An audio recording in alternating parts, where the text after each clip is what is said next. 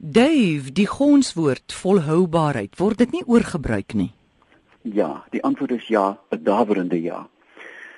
'n Mens hoor gedurig vir al politici praat van volhoubaarheid vir Afrika.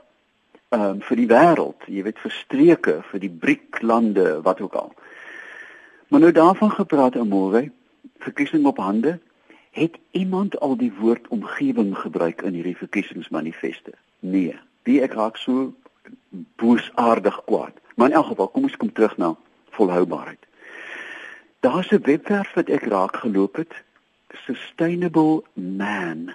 Jy kan hom net so intik jy gaan hom kry. En weet jy, ek het daar gesit en ek was bewoe om te dink dat ek nog nie aan aan hierdie ooglopende goed gedink het nie. Hulle gebruik byvoorbeeld die land Bhutan as voorbeeld. Nou ons weet dit is een van daai boeddhistiese staatjies noord van Indië tussen Indië en en China, diep geestelik met vlaggies en en uh, uh gebedklokkies en so aan. Maar weet jy almore dat Bhutan het 'n indeks van nasionale geestelike waardes. Hulle hulle meet die voortvarendheid van die volk aan die toestand van hulle gees, nie van hulle beursies nie. Is dit nie verruklik nie? Ja. Hulle hulle sê voel julle gelukkig. Ons meet dit en dan weet ons alles gaan goed met julle.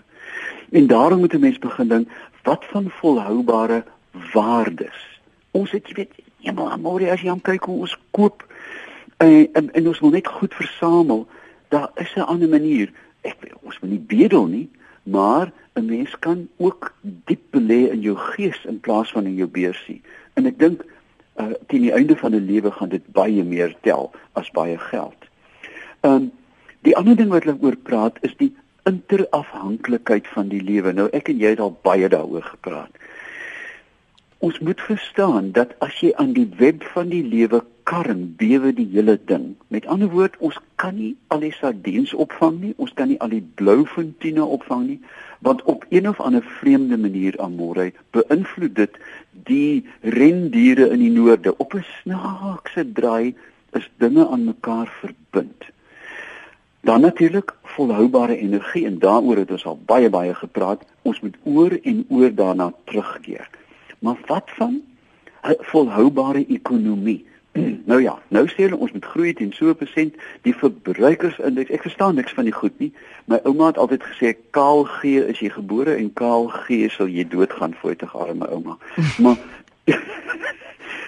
deel van ons gemeenskaplike hulpbronne soos water kan ons ruil? Het jy al daaraan gedink? Ons kan vir Kebora Basa sê, gee vir ons water en dan gee ons vir julle elektrisiteit in plaas van geld aan al die dam goed te koppel. Dink aan, dit is hmm. moontlik hmm. want beide het waarde. Nee, ons soveel kubieke meter en soveel kilowatt. Ons kan begin ruil, dan kos dit ons effektief nie soveel as om met transaksies om te gaan wat nog gesteel kan word, ek nie verstaan. Daar is alternatiewe geldeenhede. Geldeenhede kan beeste word, geldeenhede kan lugtyd word. Hulle dit kan vele forme aanneem. Ons kan 'n hele nuwe ekonomie bedryf met nuwe eenhede. Dan amore permakultuur. Dis 'n ding so oud soos die berge. Ou Bill Mollison praat al vir dekades daaroor. Maar daar is maniere om met die met die grond om te gaan wat die grond nie seermaak nie. Dink 'n bietjie aan die Bybelse 'n opdrag. Laat jou grond elke 7 jaar rus. Daar is groot heilige waarheid daarin. Ek ek stem nie met alles in die Bybel saam nie, maar as dit kom by grond en die lelies van die veld, is dit een van die beste gidse op aarde. En ons moet begin kyk, ons moet grond laat rus, ons moet diere laat rus, ons moet mense laat rus. Dan 'n ding wat jy weet ek baie skepties oor is aan môre, natuurlike rate. Jy weet smeer 'n bietjie van die goed in jou karkaatjie val af of wat ook al meeste daarvan met respek aan al jou uh, lekker geselsmense moet 'n mens versigtig mee omgaan want dit is nie bewese nie maar dan weet ek en jy so goed soos almal daar is dinge wat waarlik goed werk kruise ment tee roosmaryn al hierdie tuinkrye is heilsame mm. krye en ons moet dit begin toepas as 'n kind 'n bietjie kroep wat gee vir hom rooibos in plaas van antibiotika of 'n pynstiller Uh, weet in in so kan 'n strap deur hergebruik, tuine maak in die stad, alles dinge wat ons gereeld oor praat. Maar die laaste een vir my amore is 'n boeiende een.